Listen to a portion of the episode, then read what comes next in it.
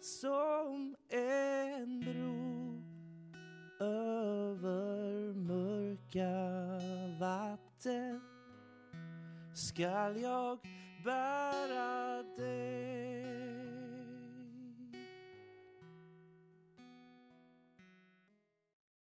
Ja, idag så blir det en liten annorlunda predikan. Ja, jag skulle säga att det är mer snarlikt ett bibelstudium, men det är inget traditionellt bibelstudium heller. Utan vi kommer gå igenom en ganska stor bibelbok och leta efter två ord. Vi ska nysta i de här två orden.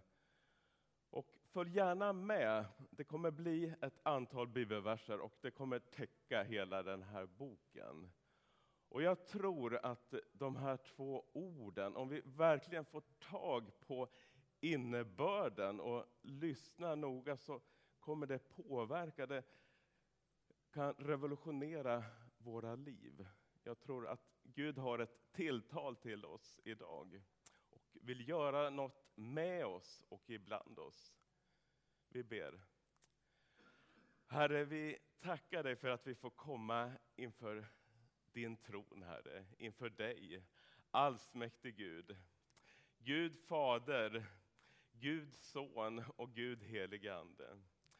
Tack Herre för att du är närvarande här. Och där du är närvarande, där finns det en glädje också.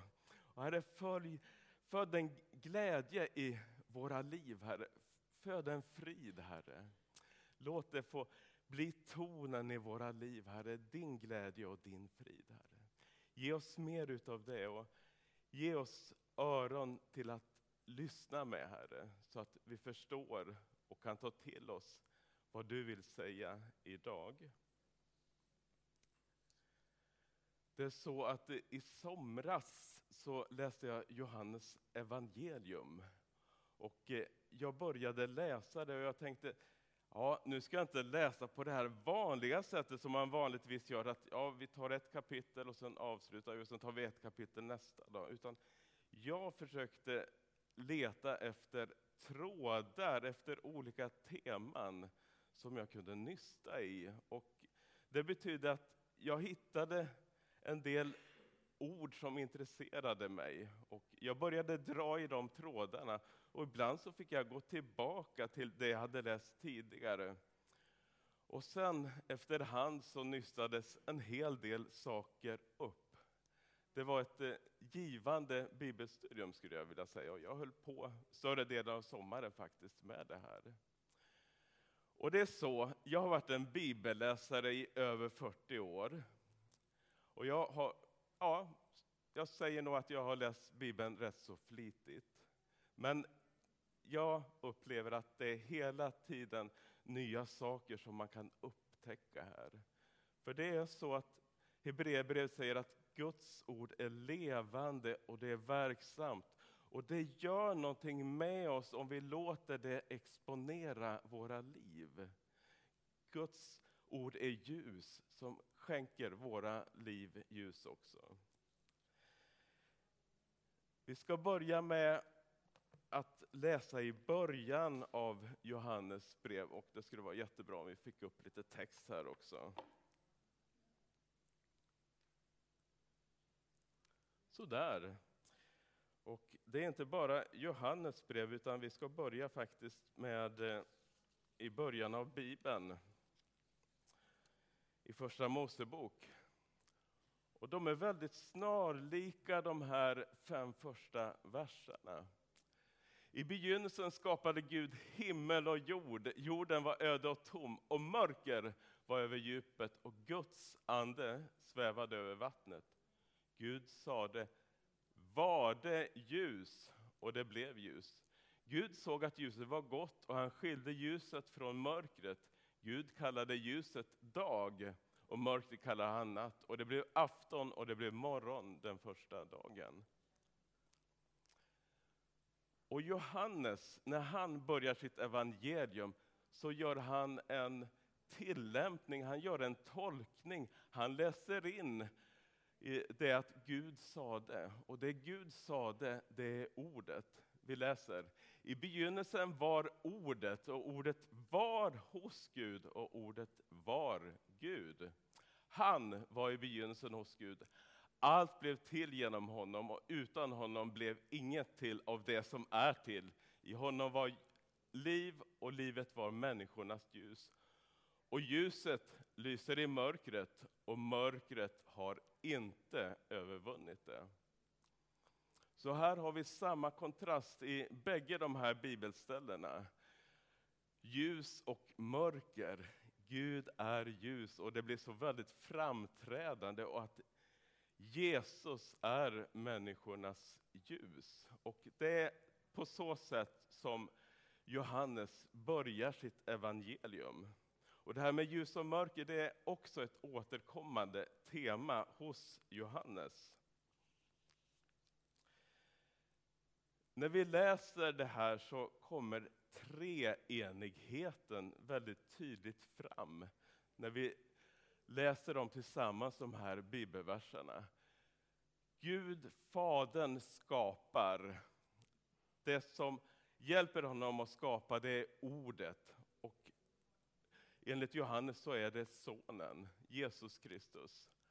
Och att Anden svävar över vattnet. Så när Gud tänker och när Gud säger så är det också den helige Ande som verkar så att det blir som Gud har tänkt. Och så var det i skapelsen. Och i och med att han gör på det här sättet, den gode Johannes, så slår han också an en liknande ton. Här handlar det inte om att Gud skapar himmel och jord. Här handlar det om att Gud skapar på nytt. Gud återupprättar den relation som han hade med människan från början, men som genom syndafallet gick förlorad. Och sen kommer Sonen in i världen. Gud låter sig inkarneras i Jesus Kristus. Gud blir närvarande, Gud blir här och nu.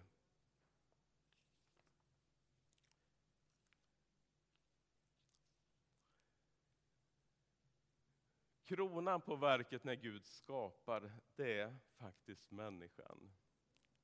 Han väljer att människan ska bli hans företrädare, hans ambassadör, den som förvaltar skapelsen. Och på ett liknande sätt så kan man läsa in det här i Johannes, att tanken är att människan får en uppgift att sprida den nya skapelsen, det nya livet som Gud vill upprätta genom Jesus Kristus. Det här med treenighet, det är också ett tema som blir väldigt centralt hos Johannes och som vi ser liksom gång efter annan. Det är nämligen så att Johannes evangelium är antagligen skrivet i slutet av det första århundradet. Och det har en sen tillkommelse tillsammans med Hebreerbrevet. De är antagligen de brev som skrevs sist. Och det betyder att Johannes har en översikt antagligen över allt annat som har skrivit. Och sen gör han det så vackert. Han väver in treenigheten så tydligt här i sitt evangelium, vilket vi ska se. Vi kan gå vidare till nästa slide. Jag pratade om att jag började nysta i lite trådar förra sommaren när jag läste Johannes evangelium. Och det finns flera intressanta teman. Vi nämnde mörker och ljus, det är någonting som återkommer och som Johannes tar upp.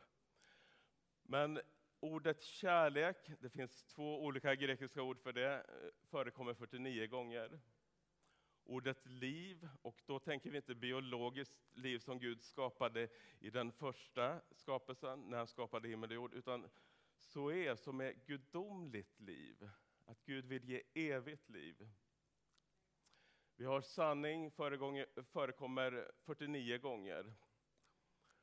Och sen har vi de två ord som jag tänkte att vi tillsammans skulle nysta i idag.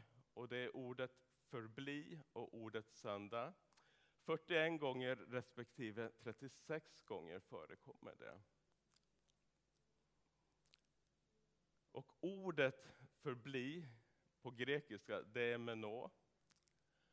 Och eh, ordet sända, är apostello. Ordet menå, det, när vi läser det här utifrån Svenska folkbibeln 2015 så har det lite olika betydelser. Förbli, leva kvar, bo och vara hos. Och det handlar dels om en förening mellan Fader, Son och den helige Ande, treenigheten. När Gud skapar så var det som så att han sa, och det han sa det var ordet, och det som skapade det var den helige Ande. Men det, det finns en enighet här, att ingen går på tvärs emot den andra, utan man följer varandra. Man är väldigt lyhörd, men man är också väldigt snabb att agera. Och det har också betydelse en förening mellan Kristus och hans efterföljare. Och det här ska vi nysta i och se att eh, det verkligen är så. Och sen var det ordet apostello och jag antar att ni känner igen det. Apostello, apostel, apostlagärningarna, just det. Och apostel betyder att vara utsänd.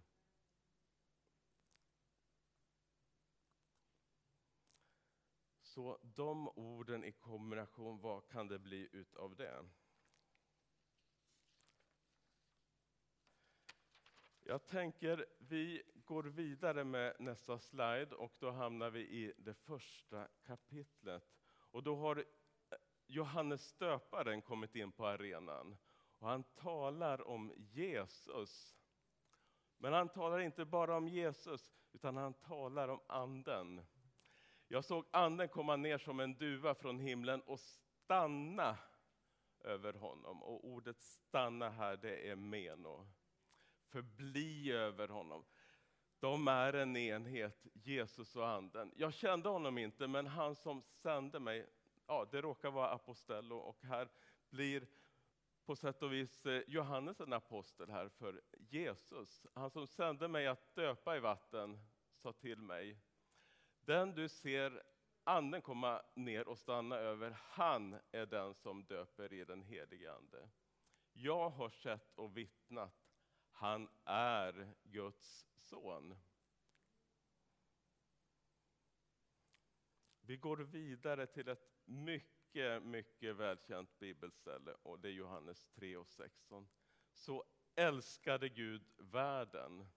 Och då tänker vi oss Gud Fadern, att han utgav sin enfödde son.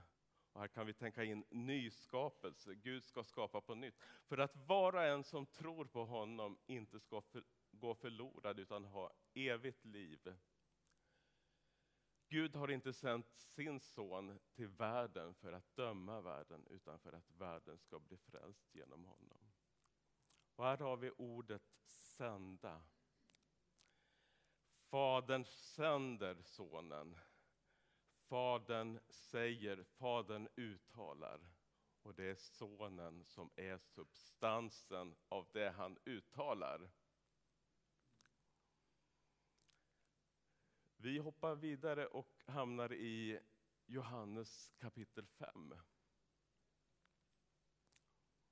Och här är det Jesus som försvarar sig mot de skriftlärda, de som var experterna, eh, de judiska teologerna på den tiden.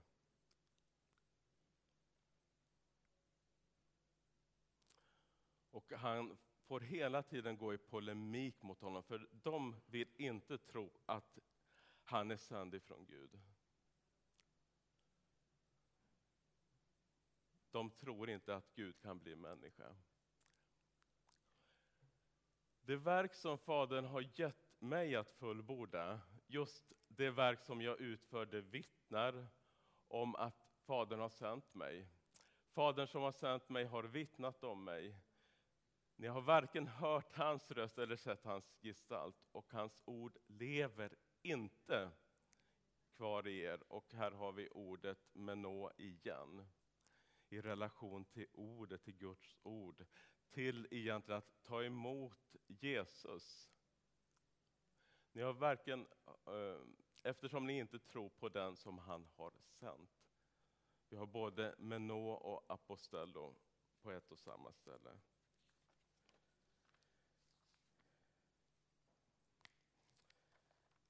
Vi hoppar vidare till nästa slide och vi gör ett ganska rejält skutt här. Då kommer vi helt plötsligt in i Jesu avskedstal som omfattar Johannes 14, 15, 16 och 17.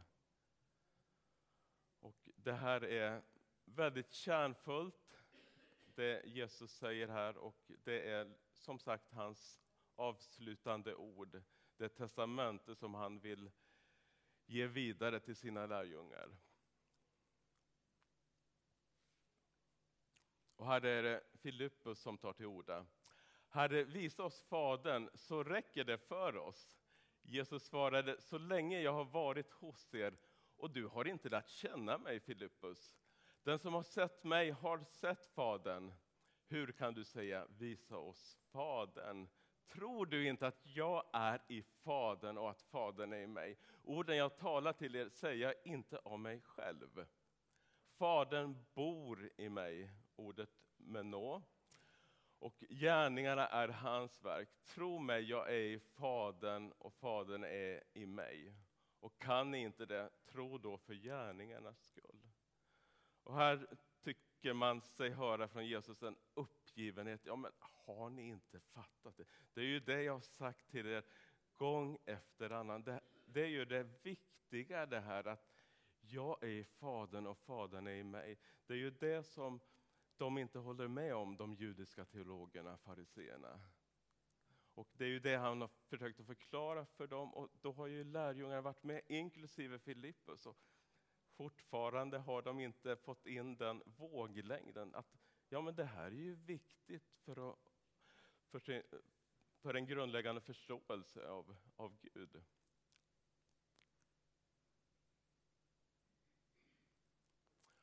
Och då fortsätter han igen. Han ger inte upp så lätt. Eh, vi hoppar fram några verser. Om ni älskar mig håller ni fast vid mina ord och jag ska be Fadern och han ska ge er en hjälpare som ska vara hos er. Vara hos är ordet menå igen. Och det var ju just det ordet som användes när den helige Ande kom över Jesus i dop ögonblicket. Och det är ganska fantastiskt att samma ord används om oss, att den helige Ande kommer över oss på samma sätt som den kom över Jesus. Det är ganska revolutionerande egentligen. Ska vara hos er för alltid, sanningens ande. Världen kan inte ta emot honom, för världen ser honom inte och känner honom inte. Ni känner honom, för han förblir. Ordet med nå, förbli, vara kvar. Någonting som inte lämnar. Någonting som som fortsätter att vara en bestående del egentligen som treenigheten, att där förblir Fader, Son och heligande i en enhet. På samma sätt så får vi vara en enhet med den helige Världen kan eh, han förbli hos er och ska vara er. Jag ska inte lämna er för faderlösa. Jag ska komma till er ännu en kort tid och världen ser mig inte längre. Men ni ska se mig, för jag lever och ni ska leva. Den dagen ska ni förstå att jag är min far och att ni är i mig och jag i er. Så här pratar vi om den nya skapelsen, den upprättade skapelsen som Gud vill komma fram till.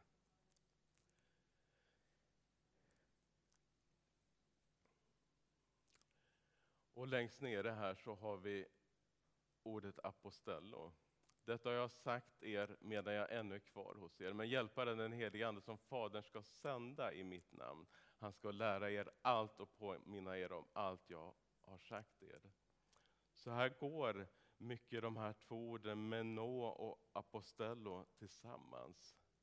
Det finns ett element att vara, förbli och så, men det finns också ett element utav sändande. Vi går vidare och hamnar i Johannes 15.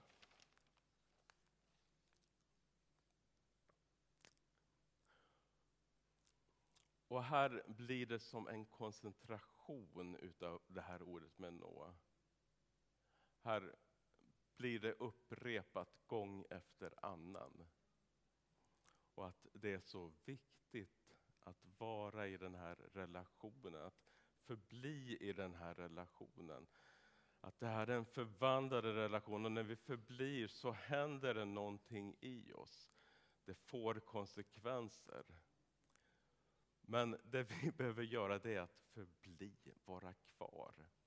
Och eh, Jesus använder här en liknelse av ett vinträd. Ni är grenar, jag är trädet. Så Jesus är stammen och vi är grenarna. Vi hämtar näringen i vår nära relation med honom. Förbli i mig så förblir jag i er. Liksom grenen inte kan bära frukt av sig själv om den inte förblir i vinstocken, så kan inte ni det om ni inte förblir i mig. Jag är vinstocken, ni är grenarna. Om någon förblir i mig och jag i honom, så bär han rik frukt. Utan mig kan ni ingenting göra. Utan honom blir det platt fall. Han är den skapande kraften i våra liv. Om någon inte förblir i mig så kastas han ut och, som en gren och vissnar. Sådana grenar samlas ihop i elden och det bränns upp. Om ni förblir i mig och mina ord förblir i er, så be om vad ni vill och ni ska få det. Min far förhärligas när ni bär rik frukt och blir mina lärjungar.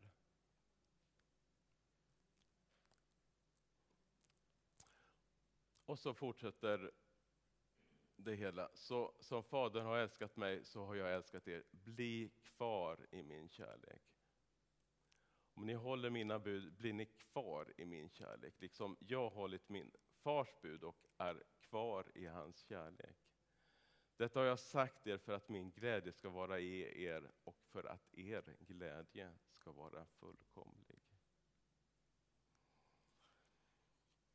Så det här är en källa till fullkomlig glädje. Vi gör ett hopp från kapitel 15 till kapitel 17. I kapitel 15 då var det koncentrationen av det här ordet med nå. Här är koncentrationen av det här ordet apostel, sända. Och detta är det eviga livet, att det känner dig, den ende sanne guden och den som du har sänt, Jesus Kristus. Nu har de förstått att allt som du gett mig kommer från dig. Jag har gett dem det ord som du gav till mig. De har tagit emot dem och verkligen har förstått att jag har utgått ifrån dig och de tror att du har sänt mig. Under det här avskedstalet så verkar det som att lärjungarna har förstått att Jesus är sänd från Gud och att, Gud, eh, att Fadern är i Sonen och Sonen är i Fadern. Så som du har sänt mig till världen, så har jag sänt dem till världen. Så det börjar med att Gud sänder Jesus. Men det fortsätter med att Jesus sänder oss.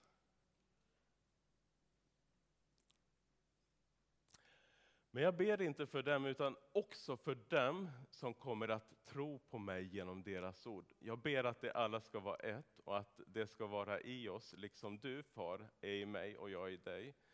Då ska världen tro att du har sänt mig. Och den härlighet som du har gett mig har jag gett till den för att det ska vara ett, liksom vi är ett. Och här har vi det här förbli i honom. Men här har vi också att det får komma till uttryck i hans kropp, i församlingen. Att vi gentemot varandra ska vara ett också. Då ska världen förstå att du har sänt mig och att du har älskat dem som du älskar mig.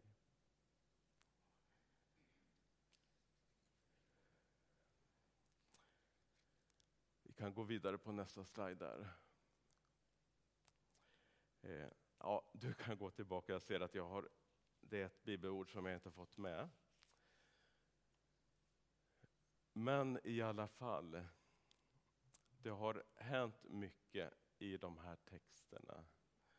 Att Gud sänder Sonen. Den helige Ande kommer över Sonen och de förblir ett team, samverkar, samarbetar. Och Jesus är väldigt noga med att det han säger, det är inte han som säger det, utan det är Fadern som säger det. Men Jesus nöjer sig inte med det, utan han ger sina lärjungar uppdraget att förbli i honom, precis som vinträdet och grenarna. Att det finns en så nära enhet. Och när enheten finns där så blir enheten i sig Gud är utgivande, Gud älskar, Gud sänder. Det, det, finns där när enheten finns där. Och I Johannes 20.21 så står det att Jesus efter sin uppståndelse säger frid vare med er. Frid. Som Fadern har sänt mig sänder jag er. Och det är nog den närmast, närmaste en missionsbefallning som Johannes kommer. Det blir inte mycket mer än så. Men det blir egentligen väldigt bra. För ibland när vi läser missionsbefallningen, gå ut och gör människor till lärjungar. Det, den tonen har både Matteus och Markus. Så kan det upplevas pressande. Här handlar det mycket Jesu undervisning om att förbli i relationen med honom. För utan honom så är vi ingenting. Utan honom är vi ingen kyrka i ordets rätta bemärkelse. Och när vi är där, när vi är i relation, i det här passiva tillståndet kan man säga, vi är i en relation. Vi när oss från honom. Så händer det någonting. Det händer nämligen så att Gud sänder oss. Vi börjar gå, vare sig vi förstår det eller inte. För den här relationen är en sändande relation. Som vi läste i skapelseberättelsens början att Gud tänker, Gud talar ordet och den, an, den heliga Ande verkar skapelsen. Det händer någonting i den här treenigheten. Det händer någonting i vår relation med Gud, att vi blir hans lärjungar på ett sätt som vi aldrig kan vara om vi försöker att vara det och försöker liksom gestalta missionsbefallning utan att ha den här nära, intima relationen med honom. Och jag tror att det är lite därför som den helige Franciscus fick han växla blad som levde i Italien och var verksam i början av eh, 1200-talet. Han säger predika alltid evangelium och om nödvändigt använd ord. Och det låter lite paradoxalt. Hur kan man göra det? Jo, evangelium handlar först och främst om en relation med Jesus och leva i den relationen. Och inte bara leva i den relationen när vi är här i kyrkan och har det gott och har människor som tror på samma sätt med oss. Utan ta med det i vardagen. Ha den nära relationen. Sucka kanske till Jesus någon gång under arbetsdagen. Se till att läsa lite i din bibel, för det, det ger näring till den här relationen. Och någonting som vi kan leva i dagligen och som vi Ibland förstår vi inte det, men vi berör människor. Har vi Guds ande i oss, har vi Jesus i våra liv, har vi tre, kontakt med treenigheten, ja men det är klart, vi berör ju människor. Och Gud har skapat dig unik, Gud har skapat dig på det sätt som du är. Och du kanske tycker, nej men jag duger inte. Jo, det är just det du gör. Och du behöver upptäcka att du med din personlighet kan och berör andra människor. Det är så viktigt det här. Och om nödvändigt använt ord. Jag gillar det. Det gör det avslappnat, det gör det tillämpbart. Jag måste berätta en händelse som hände en gång. Jag jobbar som IT-konsult till vardags. Och då jobbade jag på ett större företag inne i Göteborg. Ni vet säkert alla vilket företaget är, men jag kommer inte nämna det. Men om jag hade nämnt det så hade ni vetat det. men där var vi konsulter från alla olika sammanhang och så. Och ibland sitter man och fikar och ja, har det trevligt och så. Och sen var det en dag som jag gick in i fikarummet och jag bara kände det att när jag gick in där, oj, det kommer hända någonting. Ja, men vad bra, tänkte jag. Ja, nej, men jag tar mitt kaffe, jag går och sätter mig och socialiserar med de andra. Och sen på något vänster så är det någon som får för sig att eh, prata om ja, hur allting blev till. Och det blev med ens ganska livsfilosofiskt då och så. Och då är det någon som vill göra sig lite lustig. Han säger, ja men det var ju Gud som skapade världen. Jaha, okej. Okay. Och jag tänkte, ja, ska jag haka på här eller? Ja, nej. Och sen fortsätter de lite grann och sen samma kille säger, ja men det var ju Gud som skapade världen och han vill egentligen bara göra sig lustig. Och sen säger han det en tredje gång, jag, jag är på väg att säga någonting men då säger han det en tredje gång.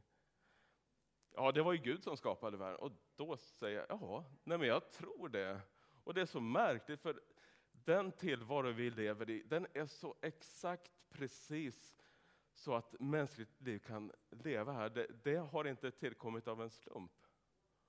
Och det där blir en isbrytare och med ens så pratar alla där, vi kanske var en ja, 8, 9, 10 personer, vi, vi pratar tro och människor delar med sig av sina erfarenheter av tro.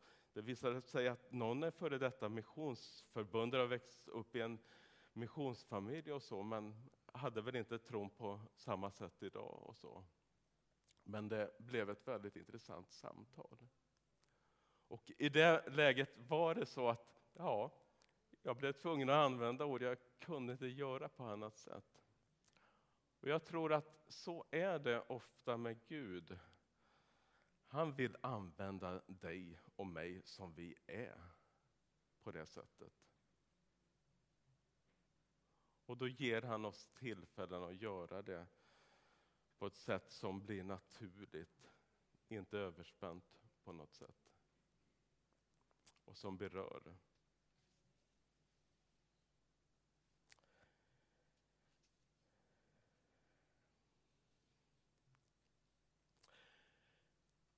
Ja, vi ska gå in i avslutet, men jag tänkte berätta några fler berättelser och så. Nyligen så var jag på after work och jag tycker det är väldigt trevligt att vara med kollegorna, speciellt nu när det har varit corona under ett långt tag. Och eh, sen just det där att ja, få vara en troende och få, få prata tro ibland dela med, mig av det som jag tycker är viktigast. Och det är inte alltid det är tillfälle att göra det. Men just på den här afterworken så var jag inställd på, ja men nu vill jag liksom prata lite om min kristna tro och så. Och vi startade kvällen, vi var på vårt företag och, och, så. Ja, hade väl lite snacks och så vidare och socialiserade. Och så dök det upp något tillfälle och så. Det var faktiskt så att eh, jag vet inte hur vi kom in på det, men vi började prata om den här församlingen Smyrna och jag pratade med vår vice VD. Och, ja, och sen undrade han, ja men lite, eh, hur, har det löst sig då under Corona det här med att eh, få ut budskapet och, och, så. Då. Han kanske inte använde just de orden, men ja, jag, jag, fick berätta, ja, men jag, jag predikade vid något tillfälle och ja, de, de sänder över längt och till och med min mamma uppe i Östersund kunde se. Och det tyckte han ju var fascinerande. Sen var det två andra som jag, jag fick liksom, det var ju inte några jättedjupa samtal, men jag tänker ändå att de här lite enkla samtalen, det är frön som kan liksom leda till mer fördjupade samtal. Det är sånt som, som bryter isen helt enkelt. Och det, det ska vi liksom inte se ner på utan försöka liksom få de möjligheterna. Och sen för någon vecka sedan så hade vi någon kick-off och vi var iväg på något ställe och lagade maten själv.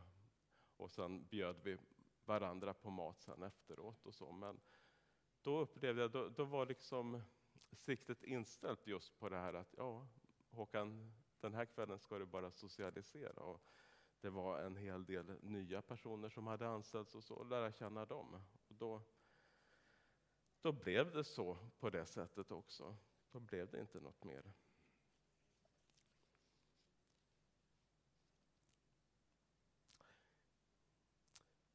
Just för att summera de här två orden som vi har tittat extra noga på idag genom en mängd olika bibelställen och så. Så vill jag berätta någonting som hände för, ja, nu ganska länge sedan. Jag var sex år. Jag bodde uppe i Norrland. Jag skulle för första gången gå och handla, hade aldrig gjort det förut. Jag hade varit med min mamma och handlat, så jag visste ju hur det gick till, men jag hade ju aldrig gjort det själv. Utan då fanns ju tryggheten, mamma, med där. Och jag hade en liten plastpåse och mammas portmonnä var i där, mammas pengar fanns där. Eftersom jag var sex år så kunde jag inte läsa och jag behövde liksom ingen eh, minneslista eller så. Jag har för mig att det var bara en sak jag skulle köpa och det var mjölk, så det var inte så svårt att komma ihåg. Och jag kommer ihåg när jag går iväg, då, då står min mamma och syster uppe på balkongen. Vi bodde i lägenhet då. De vinkar åt mig och det, det, känns så bra att ha dem i ryggen. De, de är med mig i det här. Det, för mig, en sexåring, det var ju en stor sak. Och jag har ju handlat många gånger efter det och det är ju ingen stor sak längre. Men just då var det en stor sak. Och jag går iväg och ja, jag vinkar till dem och ja, jag, jag känner jag har deras stöd. Och sen till slut så ser jag dem inte längre. Och det var inte jättelångt till affären, men ja, en liten, liten bit i alla fall. Och eh, saker och ting är ju så mycket större när man är mindre på ett märkligt sätt. Tid och distans är så mycket större. Jag kommer fram och jag vet ju precis hur jag skulle göra för mamma hade ju, ja, med hennes exempel, jag visste var mjölken stod någonstans och sen tar jag mjölken, gick till kassan, tog mammas portmonnä, betalade för mig, la ner mjölken, gick hem. Och för oss idag, det, det, är ju så självklara saker egentligen, men för mig var det ju väldigt stort, en sexåring som klarar av det. Och jag kom hem och jag upplevde liksom att ja, jag fick bidra med någonting till, till familjen. Det var någonting som var viktigt för familjen. Kanske inte så jätteviktigt, men att jag fick betyda någonting.